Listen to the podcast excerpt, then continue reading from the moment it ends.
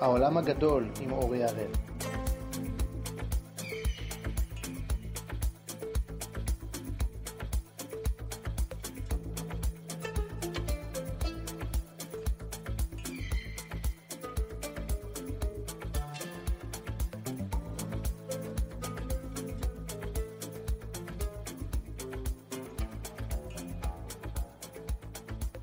האזנה נעימה.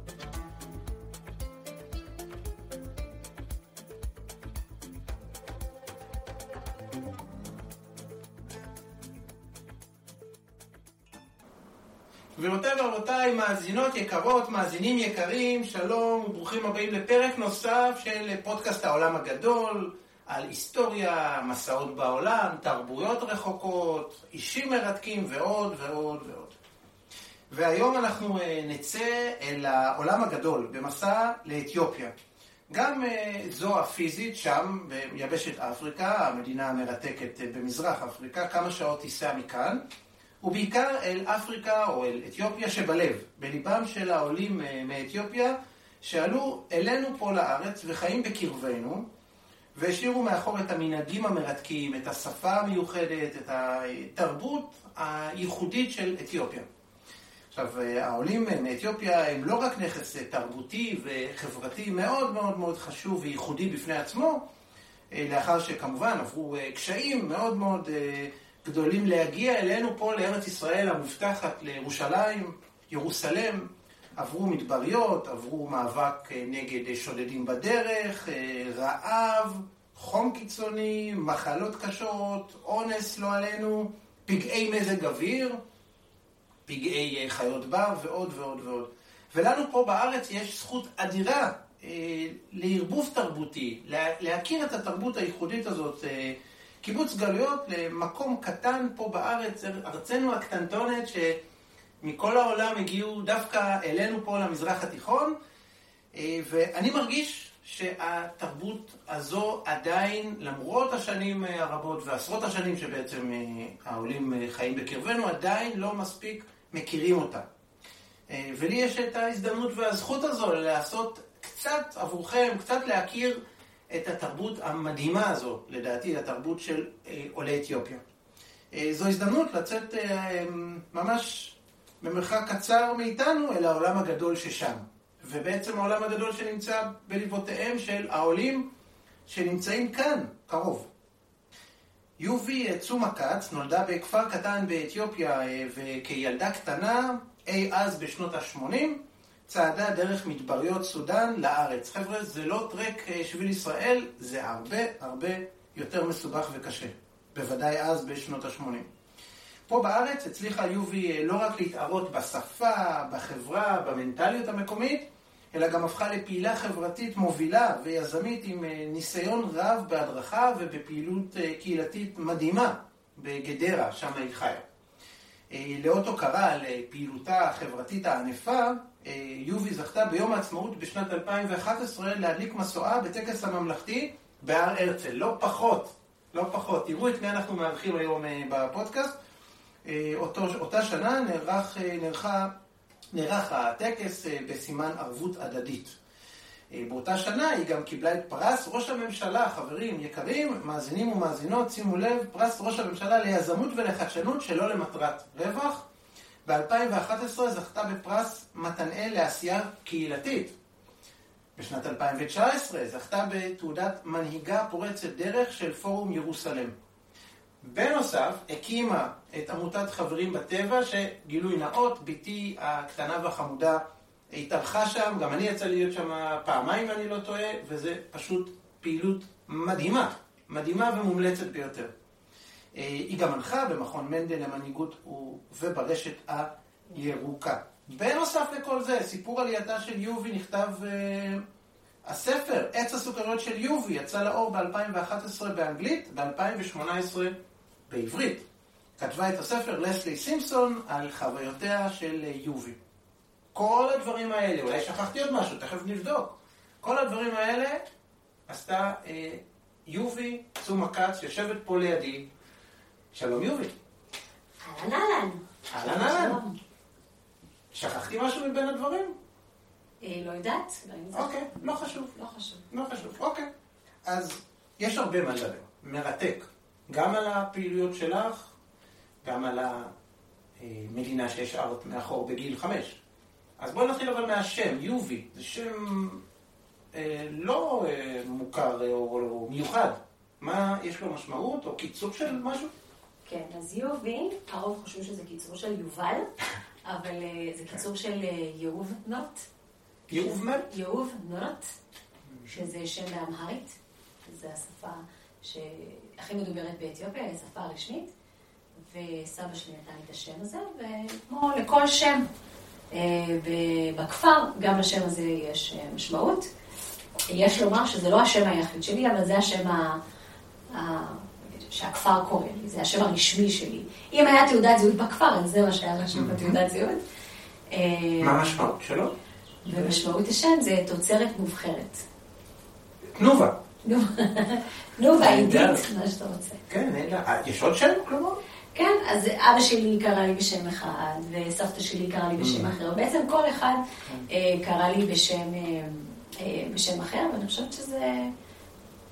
עם, עם הזמן הבנתי אה, כמה, כמה שייכות זה יוצר. זה כינויים כלומר, או ששמות ממש? זה... ככה, ככה, אה, סבתא שלי, אה, סבא שלי, אה, מצד אחר היה אה, אה, קורא לי, זיכרונו לברכה, יואן הרג. וזה היה שם... שהוא? ש- שזה בעצם ה... אה, יואן זה של היין, אה. הרג זה מטפס, אז מה זה? המטפס שעושה יין, גפן? גפן. אולי גפן. כן. גפן, בדיוק גפן. אז זה היה אה, השם. אה, אבי, זיכרונו לברכה, היה קורא לי יעלי מיטו, שזה העולם שלי. וואו, אה, מדהים. וככה הלאה, בעצם כל אחד מהמשפחה המורחבת המבוגרים נתן לי שם, יפה, וחייתי. יפה. אז, אז יובי, זה השם בעצם פה. אז בעצם פה, אה, כן. כן, השם שלי עבר כמו, כמו העלייה, תכלס, עבר, אה, כן. עבר עלייה, עבר התאקלמות, עבר את כל הקשיים, ובסופו של דבר, אחרי שהייתי גם, היה לי גם שם בעברית שנתנו לי פה, אה, החלטתי לחזור לשם שלי, אבל, אה, אבל היה משהו ב- בלחזור לשם שזה לא, לא, לא התאים לי. אחרי הצבא זה היה, אה, ואז זה היה יובי, שזה קיצור של יובמרט, ואני חיה בשם. כלומר, כשהגעת לארץ, נתנו לך שם מנותק מהשם באתיופיה, אני מתאר לעצמי, כן. כמו כל העולים, לא משנה מאיפה, את אותו דבר, אנחנו עושים פה כור היתוך, אז יקראו לי באיזשהו שם אחר, והשם האחר הזה ליווה אותי מהרגע שעליתי לארץ עד שסיימתי את השירות הצבאי שלי. אה, ואז אה, פתחנו שיחה רצינית, ואמרנו אם זה מתאים או לא מתאים השם הזה. אה, ו- וזה היה תהליך חזרה מאוד מעניין. יפה מאוד, יפה. אז אה, ניכנס פנימה לתוך הסיפור עצמו של גיל חמש, שבו את עוזבת, או לפני אפילו גיל חמש. את זוכרת משהו מ... מהילדות שם? אה, אמ, סיפורים, אה, איך, איך חיים שם בעצם. את יודעת, אנחנו, אני מכיר את הדברים, אבל הרבה מאוד מהמאזינים לא מכירים, ומכיר ברמה עקרונית. אני חושבת שכשחיים בכפר, אז קודם כל ברור שבכפר הזה יש המון המון אנשים שהם בקרבה אליך. סבא, דודה, דוד, דודים, בני דודים, אה, כולם בעצם באיזושהי, באיזושהי קרבה משפחתית. קהילה בעצם, קהילה, חיים בחיי קהילה. כן. איפה הכפר רק היה? באיזה אזור? זה- או כמה מרוחק מ... נגיד העיר הכי גדולה לידינו הייתה גונדר, שזה שעה בערך כן. אה, בצפון נסיעה, אתיופיה. בצפון אתיופיה, אה, ו- ושם אה, שם גרתי. יש לנו עיירה ששם הולכים למכור את התוצרת, והשוק הגדול נמצא שם. ואגב, זה מעניין, קראו לעיר, לעיירה, עדיין קוראים לה, מקסנית. ומקסנית זה, אה, מקסניה זה יום שלישי. ואז הבנתי שיש גם רובית, שזה כמו, זה יום רביעי, ועמוסית. בעצם, כאילו, איך, אה, אה, כשלומדים היסטוריה, זה אומר איך, איך מרכז נוצר. זה היה מקום מפגש, השוק, וזה הפך להיות עיר. אז באתיופיה יש עיירה שקוראים לה מקסנית, שם, שם זה היה העיר שלנו, השוק שלנו, והפכה להיות עיירה. אז בעצם אני חושבת שסך הכל לחיות בכפר כזה, אז, אה, אז כמו שאמרתי, זה כולם, כול- יש לכולם איזושהי קרבה, וגם לכולם ממש אכפת ממך. אה, אכפת ממך גם ברמה הזאת שכשאתה לא עושה בסדר, אז כולם מרגישים הכי, הכי בסדר להגיד לך, זה לא בסדר מה שעשית, ועדיין הראש שלא יכעסו לזה.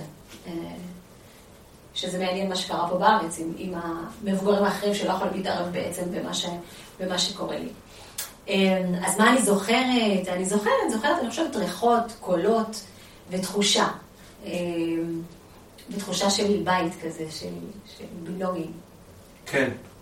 בית בלשון הום, לא האוס. כן, כלומר, כן, ממש כזה. שייכות כזאת. כלומר, כולם מעורבים, זה מין תחושה כזו ש... כן, אני חושבת שגם אה, מעבר. תהיתי אם אפשר, אתה יודע, ליישם את זה פה ולהפוך את כולם כזה גם למין... אה, לתחושה הזאת של כל כך כל כך בטוח, להרגיש כל כך בטוח. כן.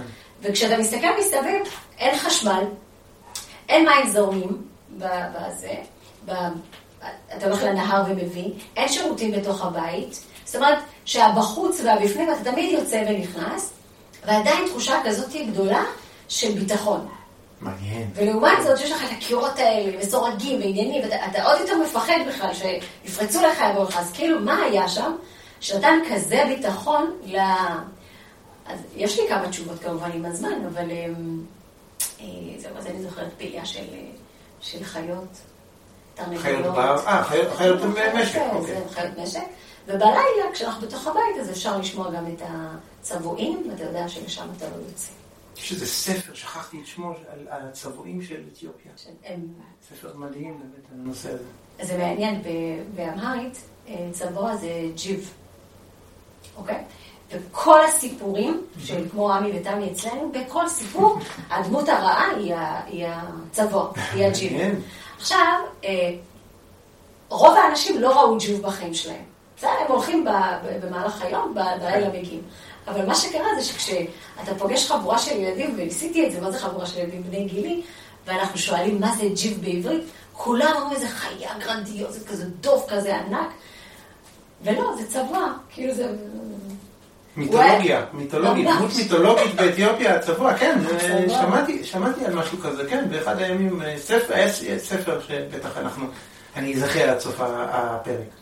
כן, אז זה הג'יב. כן. מעניין שיש שם הרבה צבועים, שווה לחקור, שווה לחקור, לבדוק למה דווקא שם... צבוע קצת אחר, כן? צבוע קצת יותר גבוה, גדול, אבל כן. מעניין.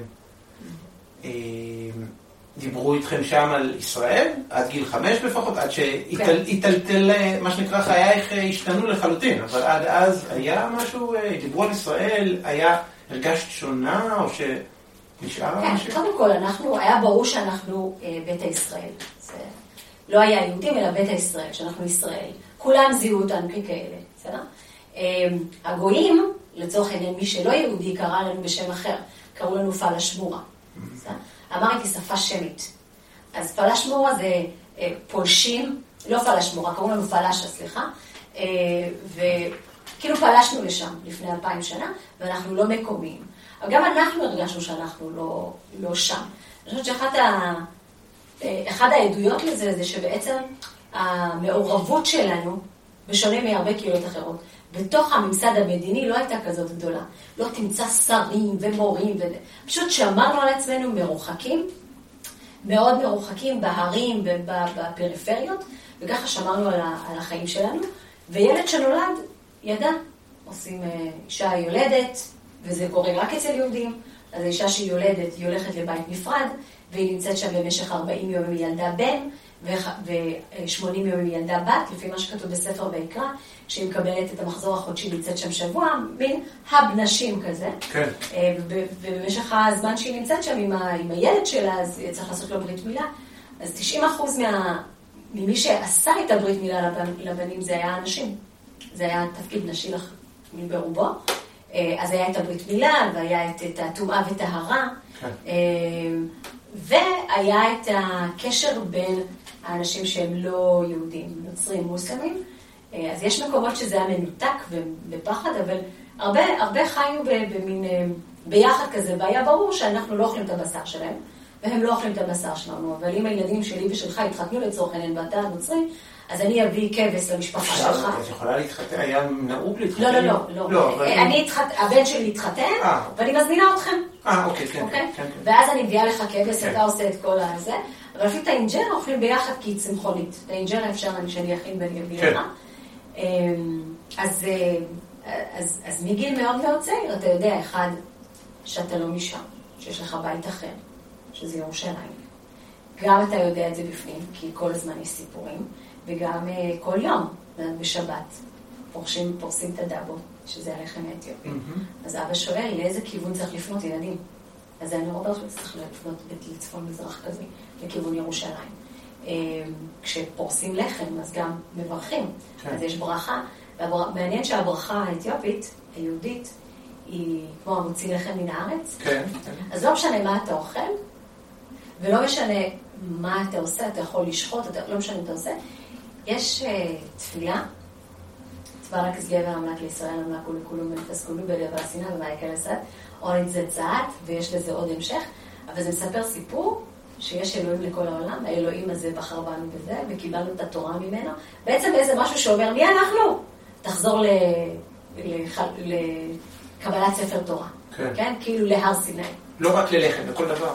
לכל דבר. בעצם, אני חושבת שזה גאוני, ככל שאני חושבת על זה, שבתרבות אה, שאין לה אוריינות במובן הזה של קריאה וכתיבה והכל צריך להיזכר, אז בכל ברכה אתה פשוט זוכר מי אתה. כן. אתה יודע שאתה שייך לאלוהי ישראל, שהוצאת לנו ממצרים, שנתן לנו את התורה, אתה- אתה- בכל ברכה. ולא תלוי בספר, אם יש ספר או אין ספר. כן. זה איתך אני חושבת. שאם אה, היו ספרים וכולם היו הולכים לבית ספר, אולי דברים משתנים, אבל היינו צריכים לזכור אה, כאילו יותר במוח. כן. כן, אז מאז שאנחנו נולדים, אנחנו יודעים שאנחנו... ובכפר היו הרבה, נגיד באחוזים בערך, יותר יהודים בכפר איפה שהם... זאת אומרת, לא נפוצים. יכול להיות שהיה? אזור, כן. אבל נורא מופרד, כאילו, ברור שפה היהודים ופה הנוצרים. אה, זאת אומרת, אוקיי. זה לא, לא חיים אחד ליד השני, ממש לא. יש... אה, כן. גם אה, ב- ביהדות שלנו, שהיא יהדות מאוד קדומה לצורך העניין, וטומאה וטהרה היה מאוד מאוד אה, משמעותי. אה, לא נוגעים במת, לא, מאוד מאוד, אז, אז גם מישהו שלא שומר, אתה לא יכול לגעת בו. בכל זמן נתון אתה יודע אם מי שלידך הוא טמא או טהור.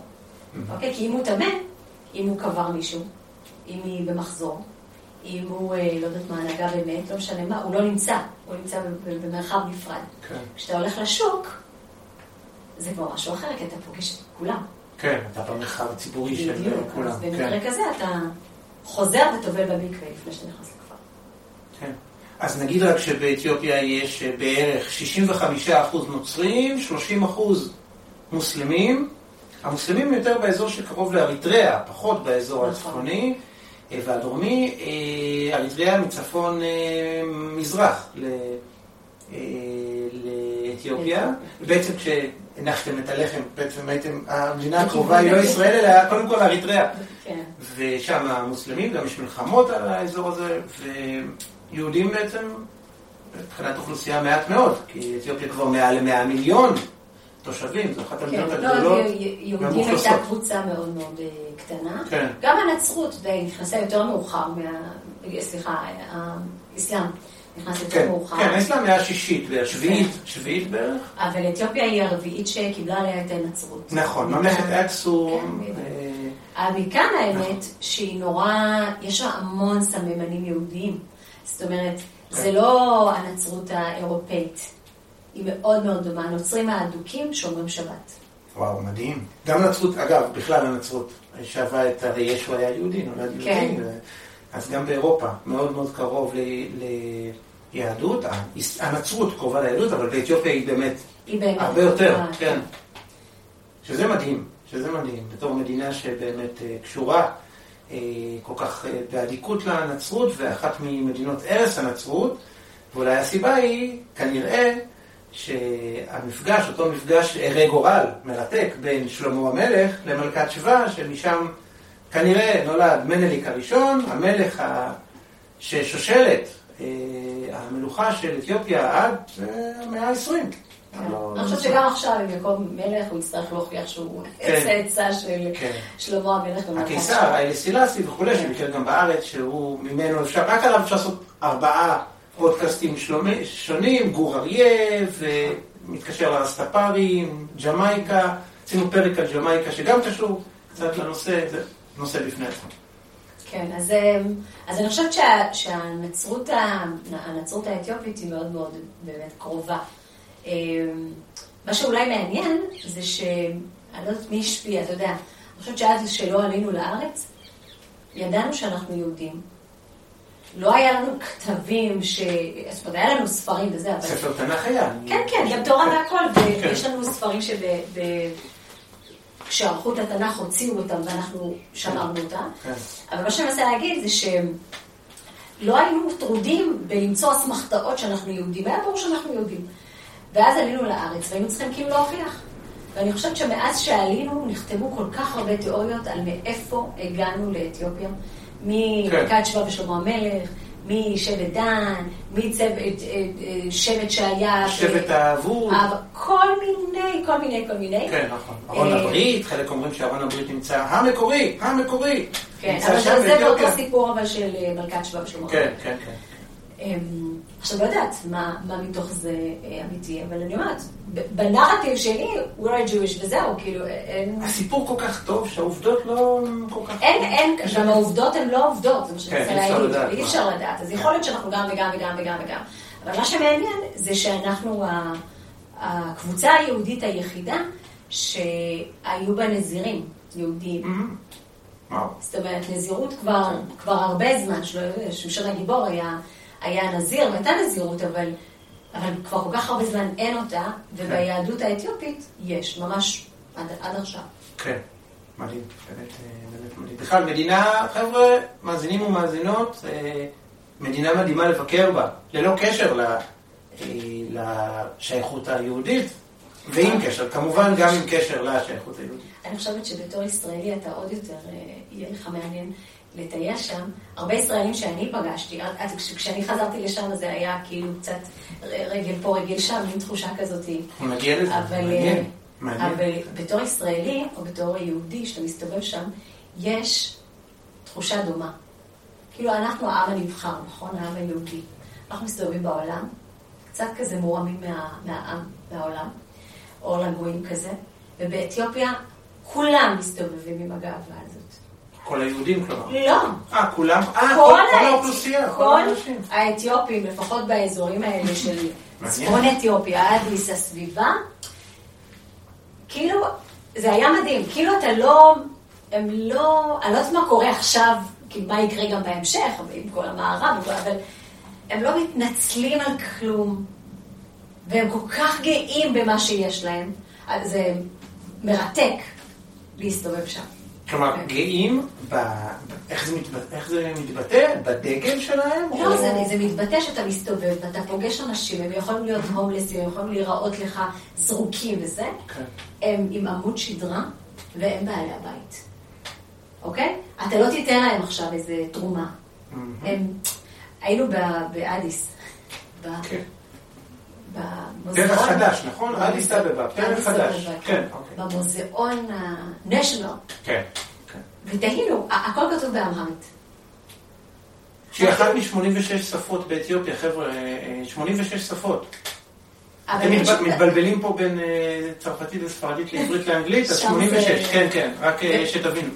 ואין שום דבר באנגלית, או בשפה אחרת. כן. וככה הסתובבתי וניסיתי להבין גם מהם, כאילו, מה הקטע. ובאיזשהו שלב הבנתי שזה, לא רק שזה לא מעניין אותם, זה כאילו, את באת אליי, נכון? הבנתי. כן, כן, כן. מין לא, לא מתנצל, זה מי שאנחנו, מאוד גאים בכל, בכל עמוד שם. משהו באמת מרתק במובן הזה, במיוחד כשאתה מסתכל על שחורים באופן כללי, וגם יוצאי אתיופיה בארץ, שאנחנו קצת אה, מכופפים. כן. אה, עם ה... במפגש הזה, התכופפנו קצת. אז כשחוזרים לשם יש איזה משהו מאוד אה, ככה, פותח את העיניים ולהסתכל, ככה מהצד, בפנים. יפה, את נוסעת חזרה לילדות, כלומר להיסטוריה, כדי להביט על ההווה ועל העתיד שלך. אה, קודם כל כן, אני גם, גם אם לא פיזית, אני עושה את זה כל הזמן. ודווקא אני משתמשת ב... אני לא דיברתי על הייט שנים, אוקיי? גם לא עם המשפחה בבית. דיברו איתי, אבל אני לא דיברתי. אני לא חושבת שהסיפור שלי שונה מכל עולה אחר, מכל מדינה. אפילו, אפילו דוברי האנגלית, שזו שפה, תרבותית וזה, תרבות, כולם עברו את אותו מהלך שבו אני לא רוצה לדבר, אני רוצה להיות כמו כולם. אני רוצה... ו, וגם כן. אצלי זה, זה בא לידי ביטוי בזה שלא רציתי לענות למשפחה שלי, להורים שלי ולסבתא שלי, ו- אבל הם דיברו איתי כל הזמן באמהרית. ו... וגיליתי שאני חושדת בהמון. חולמת אולי גם. יש מושגים, יש רגשות שאני לא מצליחה למצוא להם מילים. ואיכשהו אני מוצאת להם באמרית. הגיוני, נשמע לי הגיוני. שפת אם ואיזשהו רגש עמוק אל התרבות הזאת. וגם זה ש... את יכולה לצאת מאתיופיה, אבל אתיופיה לא תצא לעולם ממך, משהו כזה. אני. מרגישה שזה מתנה, כי כשאתה עובר משברים ואין לך שם למה שאתה עובר. כי גם לא הבנת את כל העברית הזאת, כן? את כל התרבות הזאת לא הבנת, אז משהו ב- ב- בסיפור ששמעתי בילדות שלי, ב- במשפט, יכול נורא להעמיד אותי ולהגיד לי, זה מה שקורה לך עכשיו. כן, בעיניי זה חוסן. כן, חוסן ממש. נהדר. זה משהו ש... תראי, זה... אנשים אומרים, קשה כל כך להיות מהגר בכלל. ועוד כמובן, מדינת ישראל, שהיא באמת, לכל הפחות מערימה קשיים מבחינה בירוקרטית ובוודאי מבחינה חברתית. האנשים, התרבות פה היא, למרות שאנחנו מדינת מהגרים, לא מקבלים פה אה, מהגרים בצורה, אולי, אולי לא רק פה, בכלל בעולם. אז אה, אם יש לך את החוסן ואת מגיעה ואת מרגישה שיש משהו שלא יעזור מה יקרה, את מרגישה ביטחון וזה נהדר, באמת נהדר. אז, אז גיל חמש בערך, ואז את עוזבת. כן. ועולמך, אני מתאר לעצמי, מיטלטל, פתאום שינוי משמעותי. כן, אני חושבת שעולמי היטלטל עוד לפני כן, כי אמ, אה, חייתי, כמו שאמרתי לך, במשפחה מורחבת ועוטפת, אבא, אימא, בת בכורה. כיף חיים. את הבת הבכורה? אני הבת הבכורה, אז אני כולי באמת באמת עטופה. אה, אבל אז אבי נפטר. ואני חושבת שזה, אז מתחילה ההידרדרות. שם? כן. עוד באתיופיה. כן. וכשהוא נפטר, אמי אה, צעירונת, בת 20 ומשהו, צריכה להחליט מה עושים, ויש לה כבר שני ילדים, אותי ואת אחי. ואז בעצם היא אה, חוזרת להורים שלה, לכפר שלה, ובכפר שלה, שהוא יחסית קרוב לעיר, והיה נגיעות עם בית הספר וכל... אז הייתה שם קבוצה של צעירים שרצו לעלות לארץ. ברור שזה חלום של כולם להגיע לארץ, לירושלים. אה, ואם יש הזדמנות אז הולכים, ובעצם אנחנו נפרדות אני ואימא, ואני נשארת עם סבתא. ורק אה, חצי שנה אחרי שאימא שלי עזבה, אז אנחנו מתחילים את, ה... את המסע כן. לפה. אה, עם סבתא ועם אה, מי ש... עם, ה... עם הלא צעירים שנשארו בכפר, עם המשפחות. כן. כמה זמן עורך? אז אני בערך. הייתי אה, בכלא שבועיים. בכלא? כן, יש לי עבר פלילי. עבר פלילי. ניסיתי... אה, בכלא עוד עוד באתיופיה? באתיופיה, כן, תפסו אותה. בעצם, אה, הסיפור שלנו שאנחנו בעצם בורחים מאתיופיה. כן. כי אתיופיה לא מוכנה לשחרר אותנו. זאת אומרת, היא לא אפשרה ליהודים לצאת. אה, זה, אנחנו, אנחנו שלה, אה, ואנחנו נישאר שם. אה, אז זה צריך לברוח, ואז יש מבריחים, אתה משלם להם, כן. אתה מקווה שהם יעבירו אותך, והמשימה הייתה, אה, אני חושבת שמכתבים שהגיעו בכל זאת מישראל, מ- מאתיופים שכן הגיעו לישראל, ואמרו, תגיעו לסודאן, מסודאן הכל יהיה בסדר. אז עד סודאן אתה חייב להגיע, אז תפסו אותנו בדרך, ושמו אותנו שבועיים בכלא. כלומר, בדרך, בגבול, קרוב לגבול, או לפני הגבול, בדרך. צפונה, אתם הדרך כן, היא כן, צפונה? לא, לא, נגיד אז אחרי שבועיים שהלכנו, תפסו אה, אותנו ושמו אותנו. עכשיו, לא הלכנו גם יום וגם לילה, רק בלילה הלכנו. אמ. וכל קבוצה בעניין שלה, יש, אנחנו למשל בשבתות לא הלכנו. אה, והיה, אה, כמה אנשים הם קבוצה כזו? בערך? 100, 150. אה, 100, 150. משהו זה- קשה להסתדר, כלומר... לא, אתה לא יכול להסתתר. בהתחלה עוד איכשהו אתה יכול להסתתר, כי זה יערות. אחר כך אתה כבר מגיע לשטח פתוח שאין, שאין לך... בצפון אתיופיה, כן. כן, אבל, אבל אז גם... אמ, אמ, אז כבר גם אין לך צבא כל כך, כאילו, בהתחלה ביערות זה צבא וזה שודדים וואו. וטטטטה, אבל יש לך מים, כלומר, אתה יודע כבר למצוא מים, ואתה יודע למצוא שורשים, ואתה אתה יודע להסתדר, ידענו להסתדר. אבל אז אתה מגיע ל... אין, אין בכלל אה, צמחייה, ואז זה שמש, וזה כן. חולי, וזה התעלפויות, וזה מוות, וזה התייבשות, זה משהו אחר ש... אז זה, זה כמו הישרדות, כל שלב ההישרדות שלו, ומי ששרד את הכל הגיע לסודאן, ובסודאן אה, אה, לא בדיוק חיכו לנו במאור פנים. רגע, היית בכלא? לפני אה, סודאן. לפני סודאן היינו כן. בכלא, ואחר כך הייתם, כלומר, גם... כולם, כל, כל ה-150 איש. מה עושים בה? הם בעצם לא נתנו לנו לעזוב, זה היה העניין. כן. אנחנו מדברים על 70 ו... 84, ש- שנת 84. שנת 84, ב-74 בעצם מתחילה, בעצם אנחנו, בשיא- אני חושבת אם לא בשיא, אבל אנחנו במלחמת אזרחים. כן. ב-79 אנחנו כבר מתחילים מלחמת אזרחים כזאת, ובעצם יש קבוצות אה, שנלחמות אחת בשנייה. וזה בסוף מה שמציל אותנו, קבוצה אחת שמה אותנו, וקבוצה אחרת אומרת, אם הם שמו אתכם, אנחנו נוציא אתכם. אז הם בעצם עוזרים לנו והם מלווים אותנו עד הגבול. אה, אבל בדרך, ושבועיים תנאים קשים בטח. זהו, אז הכלא הוא לא כלא של... אה, בכלא באתיופיה באופן כללי אין אוכל. זאת אומרת, אתה צריך לדאוג לעצמך. אם אין לך משפחה מבחוץ שתביא לך, אין. אז זה לא היה כלא מהסוג הזה, הם פשוט אמרו שכל המשפחה לא יכולה לצאת כן. מהמתחם, היו שם שומרים, אבל נגיד, סבא שלי יכל לצאת, לנסות לארגן לנו- אוכל ולחזור. אוקיי? כן. למכור ולחזור. אבל לא רצו שנ- שנ- שנעזור, רצו כן, להחזיר כן. אותנו אה, לכפר. כמו הסגר יותר מכלא. כן, בדיוק, כזה. כן, ואתה חי אבל בצפיפות ובתוך מתחם כזה. כן. בסופו של דבר מגיעים לסודאן, אז לי הייתה את הפריבילגיה בסופו של יום בתור ילדה, לא להיות ערה להמון דברים שבתור מבוגר אתה דואג להם ואתה רואה אותם. לא לאונס שהיה שם, או במבוא ברגן, ולא למוות, ולא... הרבה דברים כאילו... הם, הם, אה, אני לא צריכה לחיות עם בחירות, בסדר? יש המון מבוגרים שצריכים לחיות עם הבחירה שלהם, גם אם הכל בסדר, אמא שלי צריכה לחיות עם הבחירה הזאת שהיא השאירה אותי באתיופיה. למרות שאנחנו ביחד והכל סבבה עכשיו. אבל היא חיה עם זה עד עכשיו. זהו, ואז הגענו לסודאן. סודאן זה, זה, זה גיהנום עלי אדמות. וואו. אוקיי. למה? מה מה כל- מעבר לגבול? אמ, קודם כל, אני חושבת שברמה הנפשית יש משהו בללכת. כאילו, ללכת לאנשהו, יש לך איזו מוטיבציה כזאת. כן, ו- כן.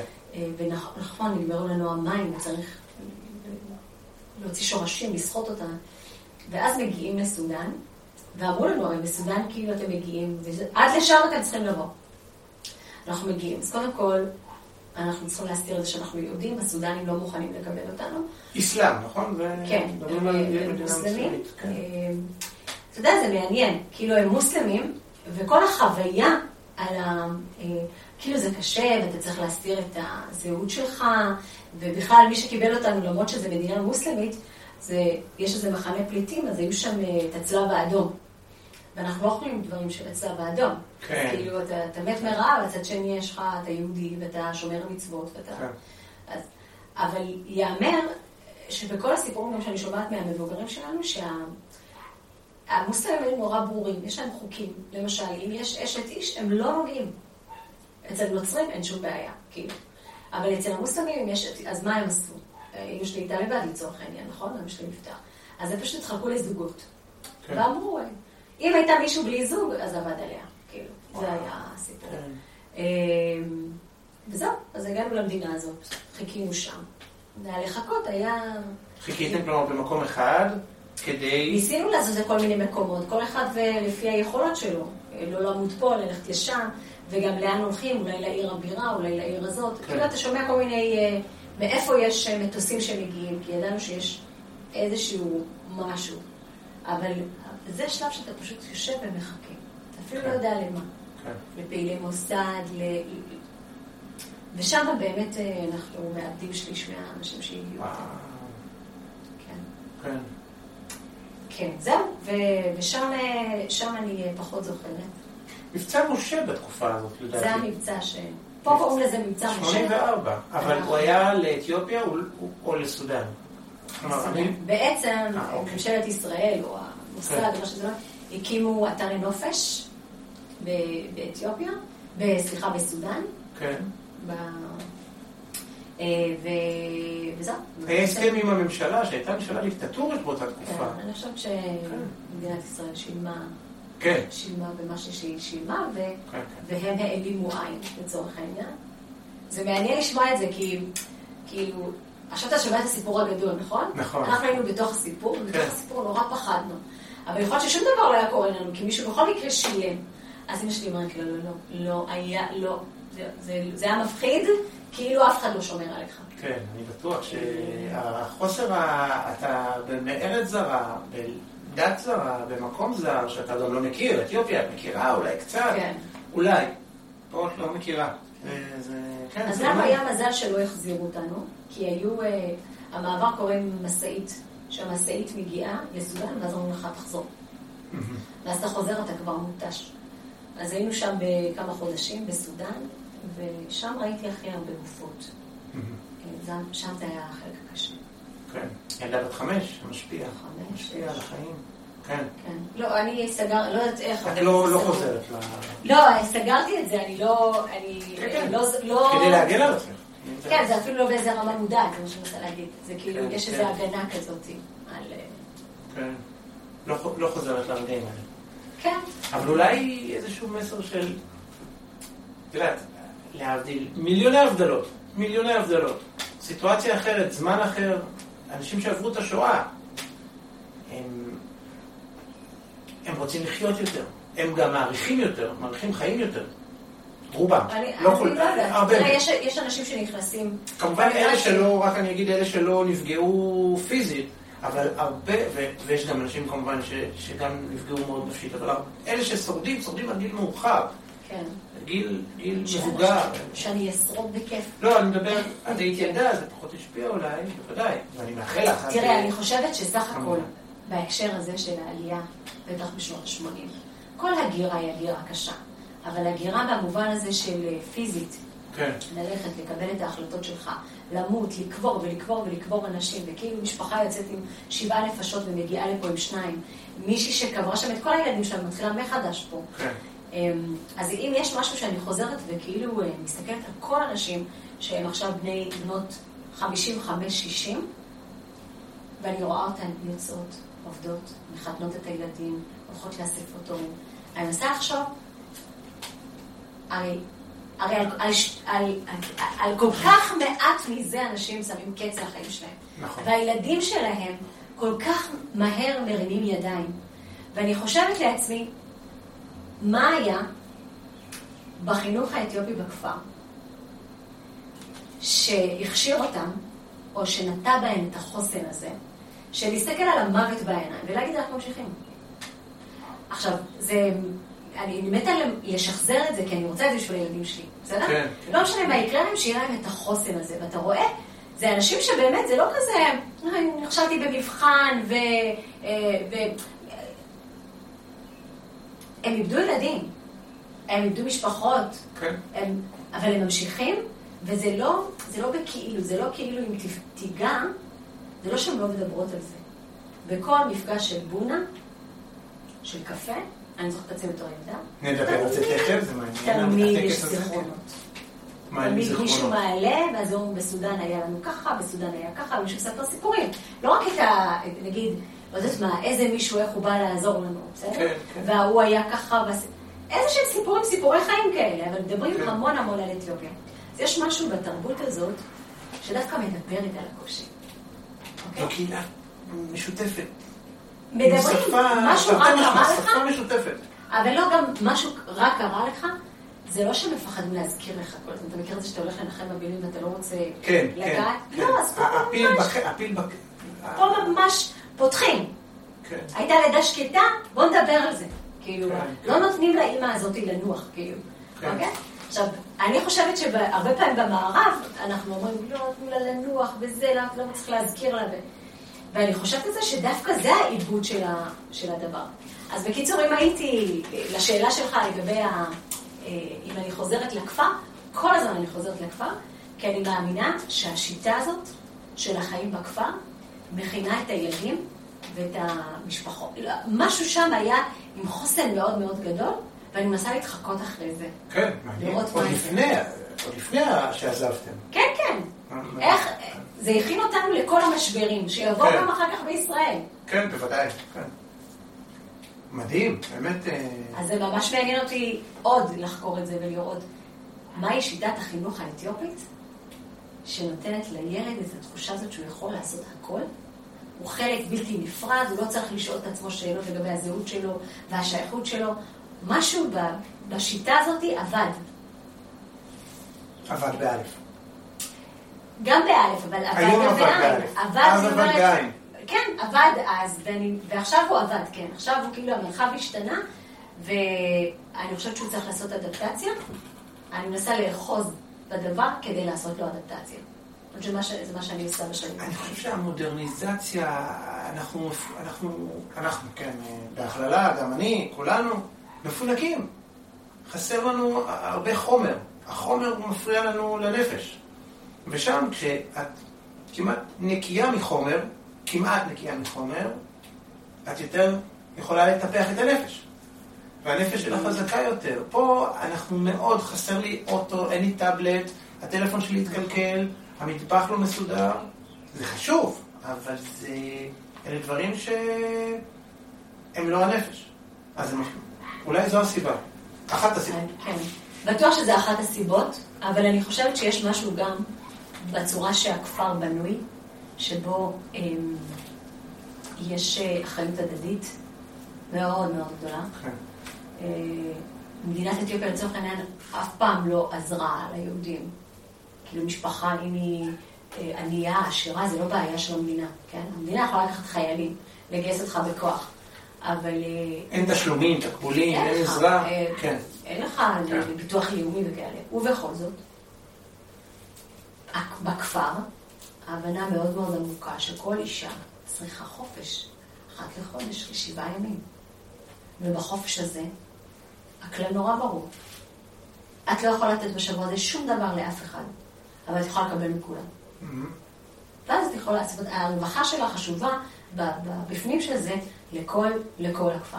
וכשאתה בתור מבוגר מעיר לילד שלי, ההבנה של כולם זה שאתה דואג לו כמו שאני דואגת לו. כן, מעניין. מאוד שונה ממה שיש לנו פה. כן. מאוד מאוד שונה. ואפשר ללמוד, אפשר ללמוד הרבה. באמת, אני גם מאמינה. באמת מיוחד.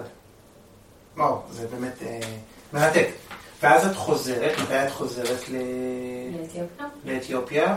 היית בת חמש, שש, עכשיו את חוזרת כאדם מבוגר, עם תובנות אחרות. כן, בעצם אחרי הצבא. אחרי הצבא, אה, קורים כל מיני דברים. אה, עוד פעם, אני בטוחה שזה לא סיפור רק שלי, בהקשר של אה, שאתה מאמין שאתה, אם תעשה את זה, אתה תרגיש יותר, יקבלו אותך יותר. אתה כן. תעשה את זה ואתה תעשה... אז היו המון דברים שעשיתי בצורה מאוד מאוד מודעת. עשיתי או לא עשיתי, לא דיברתי באמרית, לא אכלתי אינג'רה, אבל דיברתי בעברית ואכלתי שניצל ואורז. כן. כל מיני כאלה. זאת אומרת, הרגשת להיות ישראלית, הרגשת את הצורך, כן, רצית את הצורך להיות ישראלית, כור היתוך. כן. מה שמעניין זה שאולי אה, זה משהו שאני מאוד מקווה שספגתי בכל זאת, אמ, זה שאימא שלי, שתחיה, אה, כשאני הייתי עושה את המהלכים האלה, אפילו לא בצורה כל כך מודעת, כן? מחליקה את השיער. סיפור שאני אוהבת לספר. מחליקה את השיער ואין לי החלקה. כאילו אין, אין, אין, אין את החומר, היא לא תקנה לי את החומר, אני לא יודעת, כיתה ו', ז', ואני אה, מחליטה לגהץ את השיער.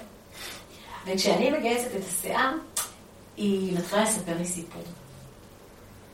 עכשיו, אני כאילו לא, לא מקשיבה לה ככה אה, לסיפור שלה, אבל זה בכלל כאילו לא מעניין אותה. היא מסתובבת בבית ומספרת על אריה שרצה להתחתן. ופתאום באמת אמ, המלך, שהוא בשר ודם, פרסם הודעה שהבת שלו אה, כבר הגיעה לגיל 15 והוא מחפש לה חתן. ואריה אומר, וואלה, הנה, זאת ההזדמנות שלי. והוא הולך למלך ואומר לו, תשמע, אני חשבתי על זה. אז הוא אומר לו, על מה חשבת? חשבתי על זה שאני אה, רוצה להתחתן עם הנסיכה, זה גם הגיוני, אני מלך, אתה מלך, זה הרי הגיוני. המלך בשר ודם מגמגם, ואומר בסופו של דבר, איזה רעיון מעולה. רק דבר אחד, הנסיכה, בשונה ממני, היא לא מכירה. ולכן השיער היפה שלך, הרמה הענקית הזאת שלך, היא עלולה להפחיד אותה. הוא אז מה אתה רוצה שאני אעשה? הוא אומר לו, אם אתה יכול קצת להסתפר. הולך האריה, עושה קרחת. חוזר, אומר לו מוכן. אומר לו, וואו, אתה כבר נראה הרבה יותר טוב. עוד דבר אחד, פשוט בגלל שהנסיכה לא יכולה להכיל את כל הדבר הזה, והיא עלולה להילחץ, אה, ואתה תחבק אותה ואתה עלול לשרוט אותה, ויש לך ציפורניים חזקות ויפות, ו... אבל אם אתה יכול קצת, שהן לא יהיו חדות. הולך, חוזר בלי ציפורניים. ואז, וזה נורא קשה ללכת בלי ציפורניים, והוא מגיע ואומר לו, יאללה, אני מוכן. אומר לו, וואו, אני כבר מתחיל להזמין הכל, כל האורחים כבר עוד רגע מגיעים. דבר אחד אחרון, פשוט הנסיכה היא כזאתי. אם אתה יכול, יש לך חיוך באמת מהמם. אבל אם אתה יכול שזה לא יהיה חד מדי השיניים שלך, ואז הוא הולך ומוציא את השיניים שלו ומגיע. בלי שיניים, בלי ציפורניים ובלי רעמה. הוא מנסה להיכנס ולא נתנו לו להיכנס, ובסוף הוא אומר לו, אני לא מבין מה אתה רוצה, המלך. אז הוא אומר לו, רוצה להתחתן עם הנסיכה? שעה לוקח לו להבין מה הוא אומר, ואז הוא אומר, להתחתן עם הנסיכה, עם הבת שלי? הוא אומר, כן? אז הוא אומר לו, תגיד לי, מי אתה חושב שאני, שאני אתן את הבת שלי לנס... לחתול? כן, יפה. וככה היא מסתובבת איבד את הזהות שלו, זה סיפור על זהות. היא לא, זהו, היא לא מפרשת לי, כן? כן. היא אומרת וממשיכה ללכת. עכשיו, מה שקורה זה שאם אז לוקח זמן, לקח לי זמן, לשמוע את הדבר הזה ולהבין, וואו, סיפרה אותו כמה פעמים. כל הזמן. כשלא רציתי לאכול אינג'רה, כשעשיתי את ההחלקה, כשהיא ראתה שאני מנסה להיות, ושאני לא, לא מבינה בכלל מהם הציפורניים שלי והשיניים שלי וכו'. והיכולת הזאת היא אה, מדהימה בעיניי. זאת אומרת שההורים שלנו יודעים, במקום לצעוק עליי, יכולה גם לצעוק עליי ולהגיד לי, מה את עושה? למה את מגייצת את ה... ובאמת אחרי הרבה זמן, הבנתי. הבנתי שיש איזושהי אה, דרישה מוסווית של, ה... של החברה. כן. אה, באמירות כמו למשל, יואו, איזה עברית מדהימה יש לך, מה נולדת בארץ? אין לך בכלל מבטא. כל הזמן יש תחושה שאם תדבר עברית יותר טוב, אז, אז הכל יהיה בסדר. ואם הצלחת, אז נותנים לך כזה פידבק רציני, כאילו אם יש לך מבטא זה לא טוב. אז אני באוזניים ובחושים הילדיים שלי קלטתי את כל הדבר הזה, ואני חושבת שרק, אה, שרק אחרי הצבא, אה,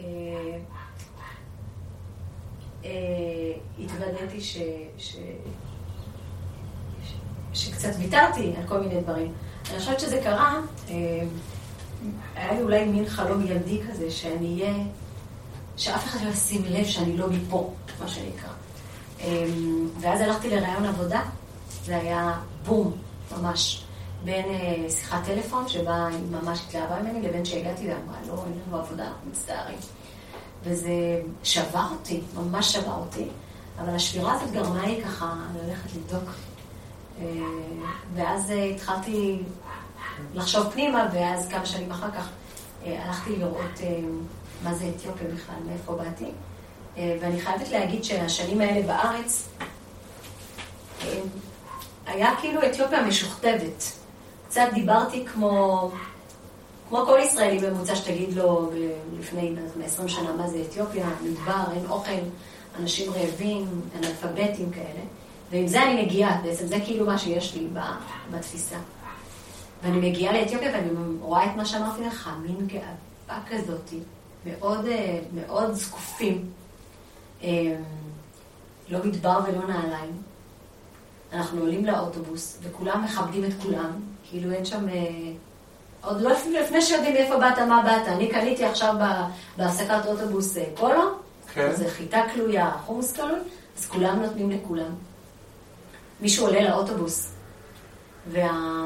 אה, ואישה רוצה לעלות ביחד את התרנגולות שלה, אז הוא אומר לה, צריכה לשלם על זה אקסטרה. כולם קמו, מה פתאום אקסטרה? כולם קמים להגיד. זאת אומרת, יש שם איזו ערבות הדדית כזאת. מדהימה מדהימה. כן.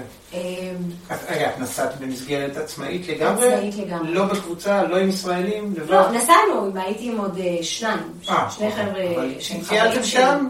כן, כן, פשוט... באופן עצמאי לגמרי? כן, כן, באופן עצמאי, עם תחבורה ציבורית.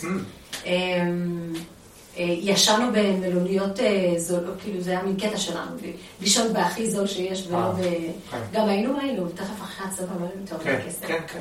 אז היינו שם חודש, חרשנו את זה, אני חושבת שהיה לנו אולי טיסה אחת, אבל כל הש... לא, אפילו לא טיסה. התחלנו מאדיס וסיימנו באדיס, ואולי כן מאקסום לאדיס או משהו כזה, עשינו כן טיסה, אבל כל הזמן זה היה אוטובוסים, אופניים, וזה היה מדהים, ממש ממש מדהים. ועם כל זה שזה מדהים, זאת הייתה הפעם הראשונה שעזבתי את ישראל. ואתה יודע, איך אומרים שלפעמים אתה צריך, בשביל לדעת מה, מה הדבר בשבילך, אתה צריך לעזוב אותו ולראות. כן, בהחלט. ואני חושבת שפעמיים הרגשתי ישראלית, או הרגשתי שאני בוחרת להיות ישראלית. זאת אומרת, יכולתי, זה, זה, נסעתי בכעס, כן? נסעתי בשביל כאילו, במין כזה, כי אה, לא קיבלו אותי לעבודה, כן? כאילו זה היה מין... סיימת צבא, אמרת אני נתתי את שלי, ועכשיו כן, אני אז- רוצה להתקבל לחברה ולעבוד, לחיים נורמטיביים, ולא כן, קיבלו... קצת משהו היה. שם בזה, אז, היה בי כעס. כן. אה, אבל אני חושבת שאחרי הטיול הזה, אה, היה לי מין, אה, מין אה, השלמה כזאת, ובחירה מחודשת בישראל. וגם תכף אחרי הצבא, לפני אתיופיה, נסעתי למחנה קיץ בארצות הברית ללמד שם עברית, במחנה קיץ, ושם זו הייתה הפעם הראשונה שקראו לי ישראלית. אה, וגם שם, אה, זה אמריקה. ללמד עברית, שהיא לא שפת אם בעצם, שלמדת אותה... כן, אבל... למדת אותה עוד ב... עוד בארץ? בארץ, אה, רק בארץ למדת את זה. בארץ למדתי אותה. אז הלכתי ללמד אה, ילדים במחנה קיץ. עברית. כן.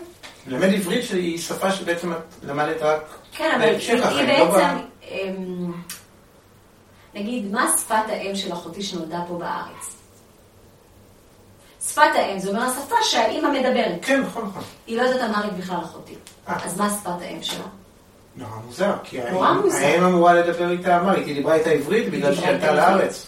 עכשיו, היא דיברה איתה עברית, ועברית היא לא, היא לא ידעה על בוריה. כן, זאת אומרת, יש משהו בשפה שהוא מחזיק רגש. כן. שהוא מחזיק אה, מסר, שיש לך מספיק רחב בשביל להעביר את כל המסר. כן. אז מן הסתם, אמא שלי לא יכלה להעביר לה את כל מה שיש לה, פשוט בגלל שהשפה הייתה צרה לה. כן. אז, אה, אז שפת האם של אחותי דלה. זה לא שפה, כמו שאתה אומר, כן. וואו, שפת האם שהיא שוחה בה. אז יש לה עברית דלה, ואני חושבת שזה אחת ה... אה, אחד הדברים הכי, הכי עצובים בדור שני שלא מדבר את השפה הראשונה שלו, שבעצם הם, הם בשפת אם מאוד מאוד מאוד מאוד דלה. כן. שזה גם השורשים, זה גם ה... זה מעבר לשפה.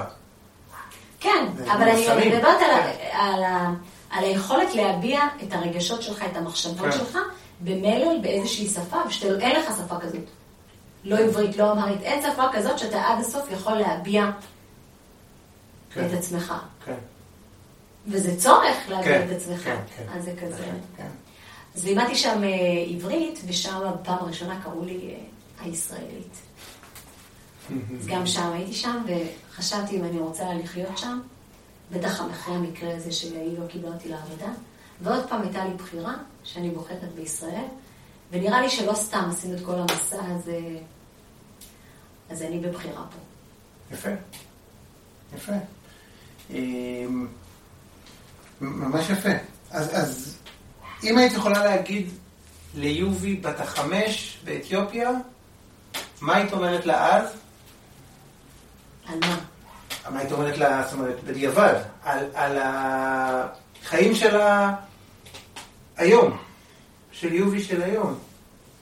אה, יכול להיות שהייתי אומרת לה אה, לנצור יותר את החוויות שהיא, אה, שהיא חווה, שהיא חוותה אז בגיל חמש. שבגיל כן. חמש, כי זה חוויות שיהיו לה כמו, כמו אה, בטריה לחיים שלה. מהמם, כן. לא יהיו לה עוד כאלה. כאלה לא יהיו לה. כן. כן, זה יהיה הבסיס לה, להמשך. אז כאילו שהיא תנצור אותם, שהיא תחווה אותם עד הסוף כזה. אז יש איזה טקס כזה אתיופי שאת רוצה לספר לנו, הפחות מכירים את ה... כמו טקס הבונה למשל, שזה משהו באמת את ציינת את זה קודם. יש המון אה, טקסים, אני חושבת, וזה בין טקס למרחב חינוכי, כן? כן. כי בעצם אה, כשאישה, דיברנו על זה קודם, כשאישה הולכת ללדת, אז אה, במרחב הזה יש כל מיני נשים. יש ילדה בת 13 שקיבלה עכשיו מחזור, יש ילדה בת אה, 20 שילד ראשון שלה, יש מישהי בת 35 שזה ילד חמישי שלה. והמרחב הזה, עושים המון דברים ביחד, כן? אבל הוא מרחב חינוכי גם. כן. שלומדים, שמקשיבים, אוקיי? הם, אה, אנחנו נקרא לזה עכשיו מיינדפולנס, אבל נשים אתיופיות מבוגרות, יש להן יכולת להקשיב למה שלא דובר. אתה תגיע לבית, ויהיו שם 100 אנשים, והאמא תדע מי אכל ומי לא אכל. או אם אתה נכנסת ב vibe של עצבים, או ב... לא משנה מה הפרצוף שלך אומר, היא קולטת את ה vibe. וזה לא משהו שהיא נולדה איתו, זה משהו שהמרחב הזה לימד אותה, הכשיר כן, אותה כן, לעשות כן. את זה. ולכן אתה לא צריך להגיד באתיופיה, לא שאתה אוהב, לא שאתה שונא, אתה לא צריך להגיד, אין כל כך הרבה דיבור על המרגישים. כן. וואו. אז גם הבונה אה, זה קפה, אז כמו כל דבר באתיופיה, אין- החומרים הגו- הגולמיים, איתם אתה עובד. אז קפה יש לך בחצר, ואם לא, אז קנית מהשוק, אתה קולה את הקפה, ואף פעם לא שותים לבד. זה תמיד, אה, יש קבוצה שאתה. שותה. אתיופיה היא מולדת הקפה. יש מקום שנקרא קפה באתיופיה. קפה, נכון. כן. אמ, ואז אתה מזמין. יש בעצם חברותה שאיתה אתה, ברור שאתה שותה את הקפה. אה, ואז אה, אני בתור ילדה יצא לי מלא פעמים ללכת לקרוא לחברותות האלה, כן. לקרוא אה, קפה, וזה נורא ברור איך המערך עובד, כן? יש את מי שמכינה את הקפה, תמיד תהיה ילדה יותר צעירה, אבל יש את המבוגרת שהזמינה, ותמיד יש איזה נשנוש, והנשנוש הוא כמובן בלי, לא, לא ממתק, לא מתוק, אלא חיטה קלויה, חומוס קלוי, אה, אפונה קלויה, או משהו בסגנון הזה. וכל הנשים שמגיעות, יגיעו עם, אה, כמו קצת, עם אה, סריגה, עם תפירה, זה לא מבזבזים את הזמן רק בעצם. אתה יכול להקשיב, ואתה יכול, אה, ואתה, או לברור אה, עדשים, כן. משהו. תמיד יב- יביאו איתם משהו שהם יעשו תוך כדי, ושם נורא ברור מי מדבר, ויש כאלה שעוד אין להם זכות לדבר, הם רק בהקשבה. היררכיה כזאת? סוג של היררכיה? ילדים לא מדברים, ילדים מקשיבים. ולרוב גם יש פעמים שאומרים לילדים לכו, וילדים יש להם ממש צורך, רצון כן להישאר, לשמוע כן, מה, כן. מה הגדולים אה, אומרים. ואז זה זמן שבו אתה מעביר סיפורים, אתה מספר מה קרה, אתה נזכר, אתה... בעצם הכל, הכל, אה, הכל קורה שם. זה גם המקום להגיד, היה לי קשה, היה לי קל, היה לי זה. זה מין חברת אה, קבוצת, נקרא לזה קבוצת תמיכה נגיד במערב. כן, כן, זה קבוצת תמיכה, סוג של, כן. זה גם. והילדים כן ישמעו, אמ, כאילו אני בתור ילדה זוכרת את עצמי שהם מדברים על מישהו, והם אה, אומרים משהו על ההתנהגות הזאת, כן? אז אני יודעת שההתנהגות הזאת טובה או לא טובה, כן. בלי שזה קרה לי. כן. אז יש המון לימוד בצ- בצורה כזאת, בעצם גם על, ה, גם על היהדות, אבל גם על הבני אדם, איך בני אדם צריכים להתנהג. אז אה, כשדיברו על האחרים, ידעת, ידעת מה, מה מצפים ממך. כן. אז החינוך הוא לא היה ב... אבל אחד הדברים הכי מקסימים בעיניי ב... ב- בחינוך האתיופי, שאותו אני חוקרת כבר הרבה זמן, אה, זה שתהליך הלמידה מניעים הלומדים. מניעים הלומדים, כן. זאת אומרת, זה לא כמו פה בארץ, או בבית ספר, גם באתיופיה בבית ספר אני מניחה שזה ככה, שיש מי שמחזיק בידע והוא צריך להעביר לך את הידע. כן. אלא, יש מרחב, אנחנו הולכים עכשיו לשדה ואנחנו חורשים, ואז אתה תשאל את השאלות שמעניינות אותך. למה אני מחזיק ככה ב... כן. ותוך כדי זה לומדים, תוך כדי. השאלות לומדים. תהליך הלמידה לא מתחיל מזה שאני כהורה רוצה ללמד אותך, אלא כן. מזה שאתה הילד רוצה ללמוד. מעניין. בעיניי מהפכה. מהפכה. אני- אני- מהפכה. אני מחר מגיע להרצאה שלי, ואני אומר, אני לא יודע כלום, תשאלו את השאלות ולפי זה אני אענה. כן. לא, אבל, אבל מה אתה רוצה. שילדים, מה אתה רוצה שילדים זה שלך? אז אתה מייצר להם מרחבים, ואז הם שואלים אותך, למה אבא עשית ככה? כן. מה אתה חושב נכון. על זה? אנחנו עסוקים במערב, אפשרות ל- לסקרנות. כן, אנחנו רק רוצים כל הזמן... אז זה קצת מה שאמרת קודם, עם ה... עם ה... אה, שאנחנו מפונקים, פינוק זה אומר שלא מצפים ממך לעשות כלום. אני אעשה בשבילך. כן. אתה רוצה ללכת? אל תלך, למה? תעלה לאוטו. אתה רוצה ללכת לחוג? אני אקח אותך. אה, אתה רוצה, קר לך? תחמם. קר- זאת אומרת, בעצם, האפשרות הזאת שאין לך מאמץ, גורמת לניוון כלשהו. ואז גם אין לך, גם הידע יבוא אליך, אתה לא צריך כאילו ללכת לחקור אותו. ואני חושבת שהמוטיבציה נהרסת בצורה כזאת, ואז אתה כבר לא יודע מה אתה רוצה. מסכים לגמרי. מסכים. ממש יפה. רעיון הפוך. כלומר, הפוך ממה שאנחנו מכירים, שהמורה בא ומדבר, והילדים אומרים, טוב, כן. עוד, הוא, הוא, הוא עוד פעם אומר את אותם דברים, ואולי מעניין אותנו משהו אחר, ואז משתעממים אולי. כתוצאה מכך, הם לא לומדים, כי זה משעמם אותם. רעיון מעניין. קדימה, עושים שינוי במשרד החינוך הש- מהשנה, שנת הלימודים הקרובה. אנחנו כבר עושים. אז זהו, אני רוצה לשאול אותך, זו השאלה בדיוק אה, שמסקרנת אותי, על כל המיזמים והפעילויות והפעילות הקהילתית והחברתית שאת עושה. ספרי לנו קצת. על ה... אה, איפה את עושה. מה את עושה. אז בעצם לפני, ב-2005, כבר הייתי גדולה, כבר הייתי אה, נשואה, אה, וכבר היה לי ברור. שצריך, אה, אה, שאני רוצה לעשות משהו אחר, שהילדים שלי יגדלו במרחב, שעוד לא, שעוד לא ראיתי בארץ, שמין סליחרון, מין שעטנז כזה בין משהו אתיופי לבין משהו ישראלי, אה, ושלא תהיה להם את החוויה הזאת שהם צריכים כל הזמן להוכיח כמו שאני עשיתי, אה, אבל, אבל אה, שהזהות שלהם תהיה טובה, שיהיה להם, שיהיה להם חוסן, כן? אמ, והיה ברור שאצל המבוגרים, שה, שהדור שלי זרק אותם, אמר, אנחנו לא רוצים להיות כמוהם, כמו ההורים שלי וזה, אז אצלם נמצא הסוד של איך הם שורדים הכל, כן? כן? הם לא רק שורדים, זה אנשים שמחים, עם כל מה שהם עברו, כן. מה יש שם. אה, ובעצם, מאז, מ-2005, אנחנו אה, חוקרים. עכשיו, מה זה חוקרים? זה לא בשביל לתעד את זה, זה בשביל לחיות את זה. זה מה אני מתכוונת. אה, יש לנו אה, מבוגרים, המבוגרים עלו לארץ, יופי. אז באתיופיה מבוגר, יש לו מקום מאוד מאוד מכובד. עצם זה שהוא מכובד, זה לא מעצם זה שהוא מבוגר, אלא מעצם זה שהוא מחזיק המון ידע, והוא יכול לתת לך. אתה תרצה לשאול, יש לך את מי לשאול. אה, אז, אז הם אנשים מאוד חכמים, עם הרבה ניסיון, חוכמה זה ניסיון. אבל איכשהו כל הידע הזה, שהוא ידע אקולוגי, שהוא ידע חקלאי, שהוא ידע של חיים, שהוא ידע של התמודדות, אוקיי? כל הידע הזה בבת אחת הפך להיות לא רלוונטי. מכמה סיבות. אחד, כי הגענו למדינה מערבית שחושבת בצורה מאוד מסוימת של טכנולוגיה. ו, אה, וגם, אה, איך לומר, גם אם לא נודה בזה, זה עולם מערבי שחושב שהאמת יושבת אצלו. וכל האחרים הם ילידים אה, סתומים שעוד לא גילו את, ה, את האור. אה, ובעצם גם אנחנו נשאבנו לזה, הדור שלי, כן? והתחלנו לאמץ את הדבר הזה. כן. אז באיזשהו שלב אמרנו לעצמנו, רגע, עובדה שכולם מחפשים, כולם מחפשים פה משהו, כולם הולכים לסדנאות למצוא את עצמם. אז רגע נעשה עצירה. ו... ונניח שהם לא, הם יודעים המון, פשוט במרחב הזה לא. אז אולי צריך לייצר להם מרחבים כדי בכלל לעלות מהאוב של 20 שנה שהם גרים בארץ, 30 שנה, את הידע שיש להם. אז אה, בעצם יצרנו גינה קהילתית בגדרה של 20 דונם, שבן אדם פרטי אה, נתן לנו, מישהו, קסם של בן אדם. ו... ואמרנו להם, קחו, בואו תעשו.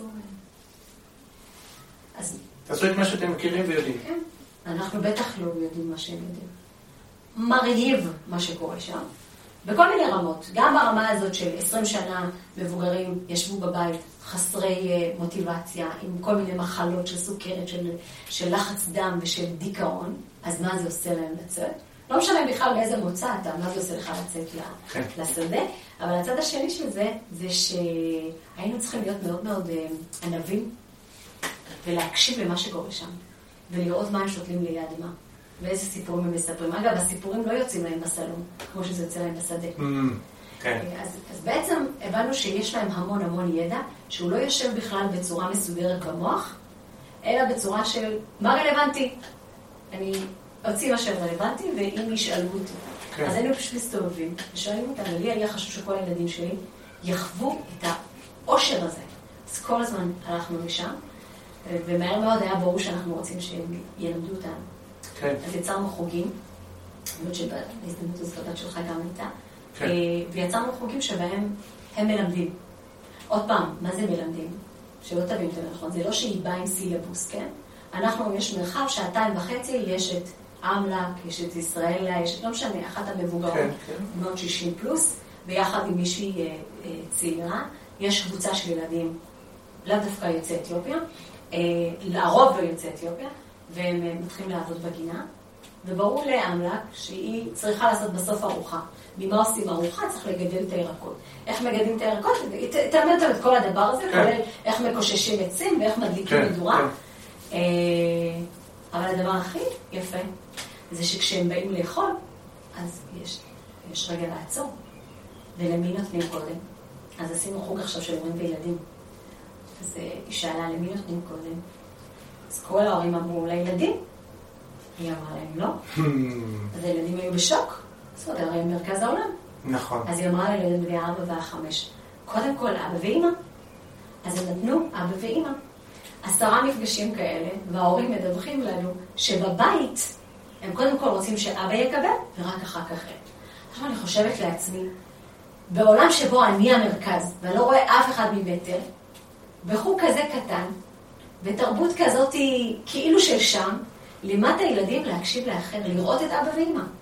זה לא אומר שאבא ואמא אוכל ואני לא אוכל, וזה אומר שהילד הזה פיתח את האפשרות לראות את אבא ואמא שלו, וכנראה לא רק את אבא ואמא שלו. גם לראות את העולם שסביבו, כן. מעבר לכך. ולראות את הצרכים של מישהו אחר. כן, כן. אז... אה, אינטליגנציה רגשית. בדיוק. אז בעצם, בחברים בטבע, אה, בעמידה שלנו זה מה שאנחנו עושים. אנחנו עושים, אה, יש לנו אירוח, מפגש כזה, שבו אתה יכול לבוא נגיד עם קבוצת העובדים שלך, או המורים, או כל אחד בעניין שלו. יש לנו השתלמויות בנושאים של חינוך, כמו שאמרתי עכשיו. די פיתחנו את זה, ואנחנו יודעים איך להעשיר מורים מערביים שכבר שמעו את כל ההרצאות של זה, איך להעשיר אותם בצורה אחרת של, של, של למידה. אז קבוצות מגיעות, יש מפגש בבתים עם האנשים האלה, ואז אתה מגלה שזאת הייתה מיילדת, וזאת הייתה מרפאה, וזאת הייתה... אז, אז הנושאים הם לא שונים, כן? כן. אז אה, רופאים שיבואו להשתלמות ישמעו משהו מעניין על איך היא הייתה מרפאה שברים, וזה, כן. ומישהי ש... וככה הלאה. אמ, כל כך הרבה ידע, כל כך הרבה ידע יש, ובאמת, יש אנשים. ישבו בבית ולא עשו כלום עם הידע הזה, ופתאום יש לך, את נותנת להם את האפשרות הזאת. זה ווין ווין. אני. מרגישה שיותר משאני נותנת להם את האפשרות להוציא את הידע שלהם, ואין ספק שה-80 חקלאים שלנו, עכשיו אנחנו גם נעשה איזה מחקר כזה, כי בכל זאת אנחנו חיים במערב, לראות מה מצב הסוכרת שלהם, והלחץ דם שלהם, וזה. כן.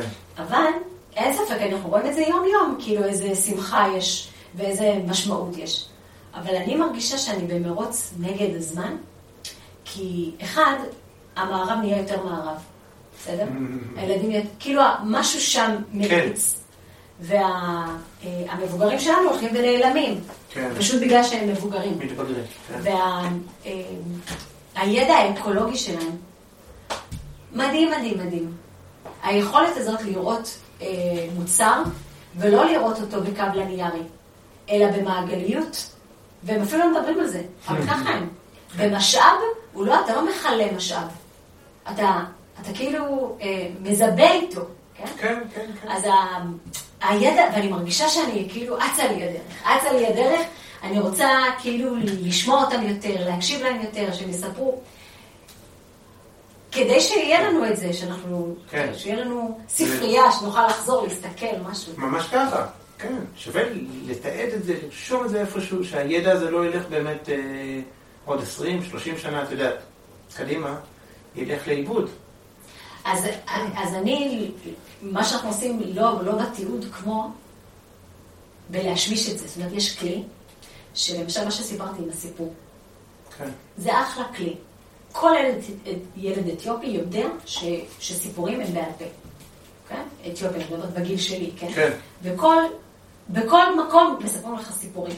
במקום להגיד לך נכון, לא נכון וזה, ויש גם דברים פתוחים, שלא אומרים לך נכון, לא נכון, אתה צריך לעשות איזושהי עבודה. אבל אה, סיפור ככלי, וואו, מדהים. נכון. אז אני רוצה ללמד את כולם לעשות סיפור ככלי, ואנחנו, ויש הרבה שותפים לעניין הזה. אבל אז זה הופך, זה יוצא כבר מזה שזה היה אתיופי, למשהו שעובר לתוך המערכות ונטמע.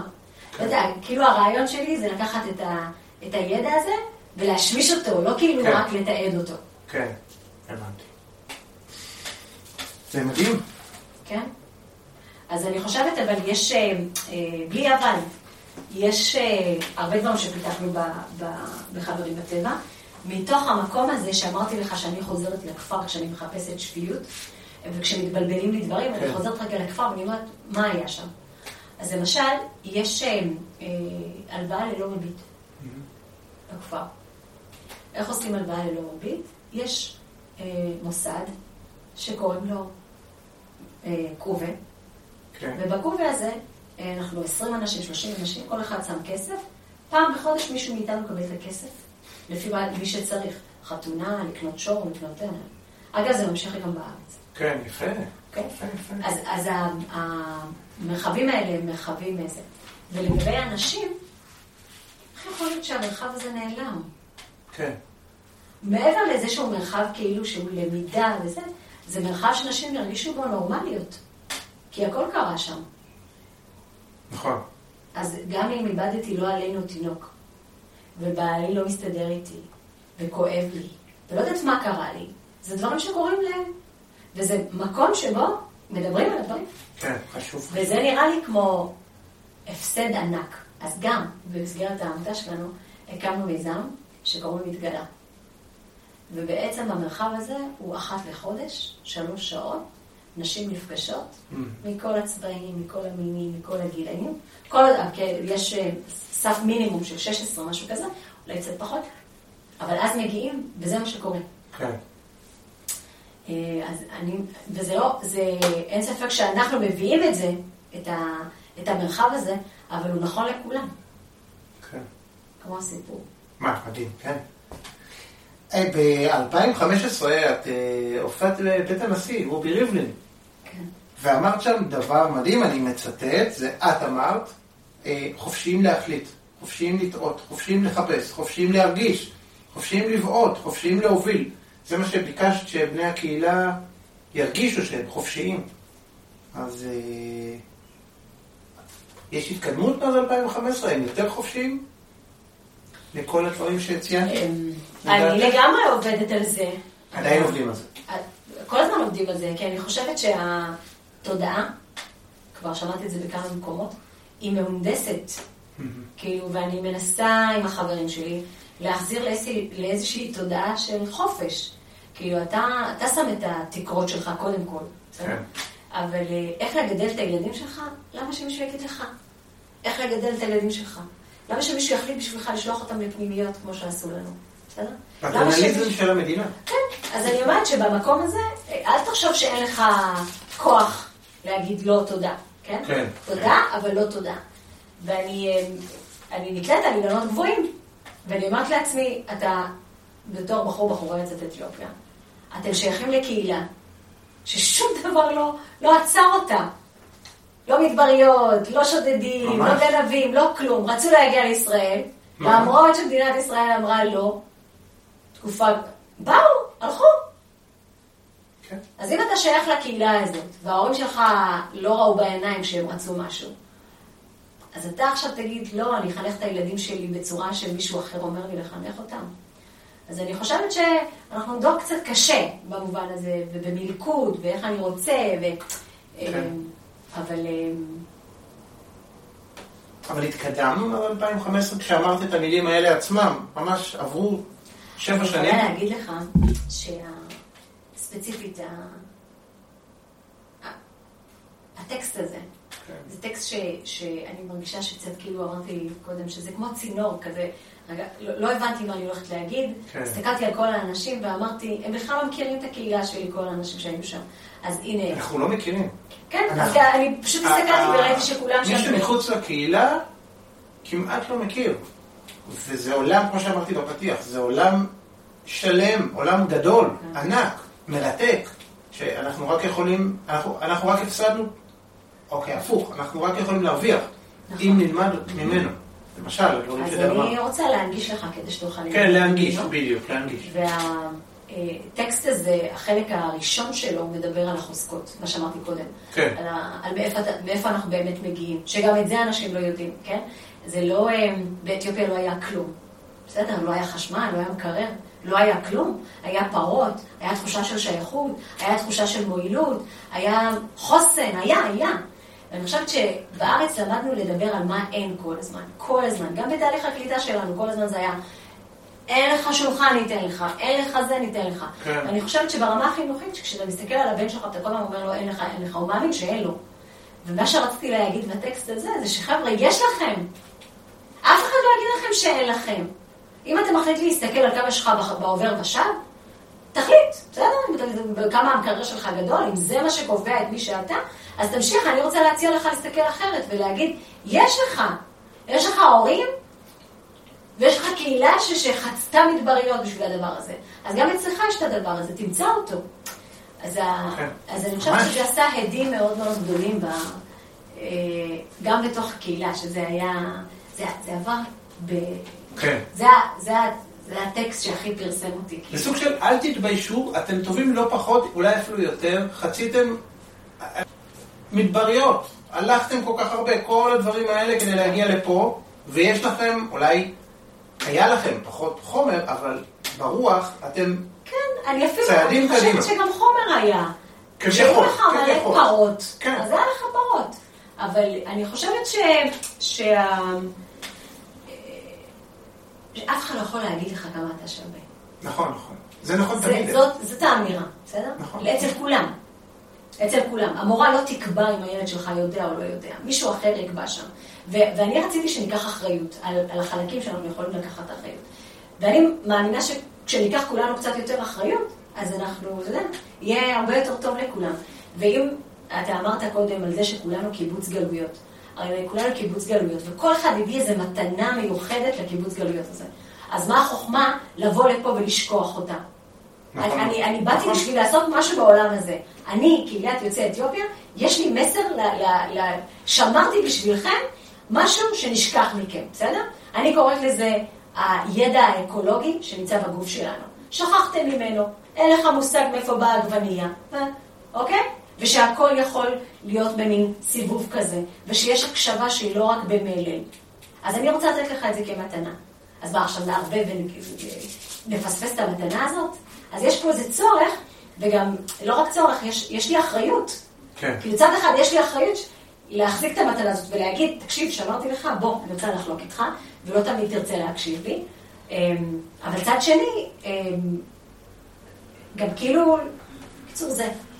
מדהים, תשמעי, לסיום, בהקשר של האינטגרציה הזו והתרבות הזו בינינו לבין, בין, בין, בין, כל, בין כולנו, מה החל, יש לך חלום שאת, או משהו שאת אומרת, את זה אני רוצה, ש, ככה אני רוצה שיהיה.